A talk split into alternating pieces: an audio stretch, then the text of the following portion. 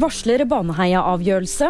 Staten kjøper giganteiendom, og Kygo-selskap er oppløst.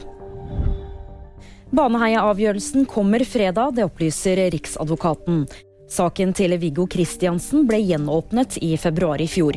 Han har hele tiden nektet straffskyld, men ble dømt til 21 års forvaring for overgrep og drap i Baneheia i 2000.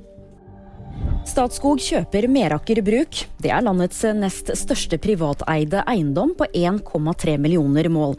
Dermed så blir staten eier av 90% av Meråker kommune, ifølge NRK og Trønderavisa. Selskapet til Kygo er oppløst. Den norske artisten som egentlig heter Kyrre Gjørvel Dahl, har de senere årene tapt store summer på å selge lydprodukter. Ifølge TV 2 så har Kygo Life AS rapportert underskudd på 11,9 millioner i 2021 og 28,2 millioner i 2020. Det var VG nyheter, og de fikk du av meg, Julie Tran.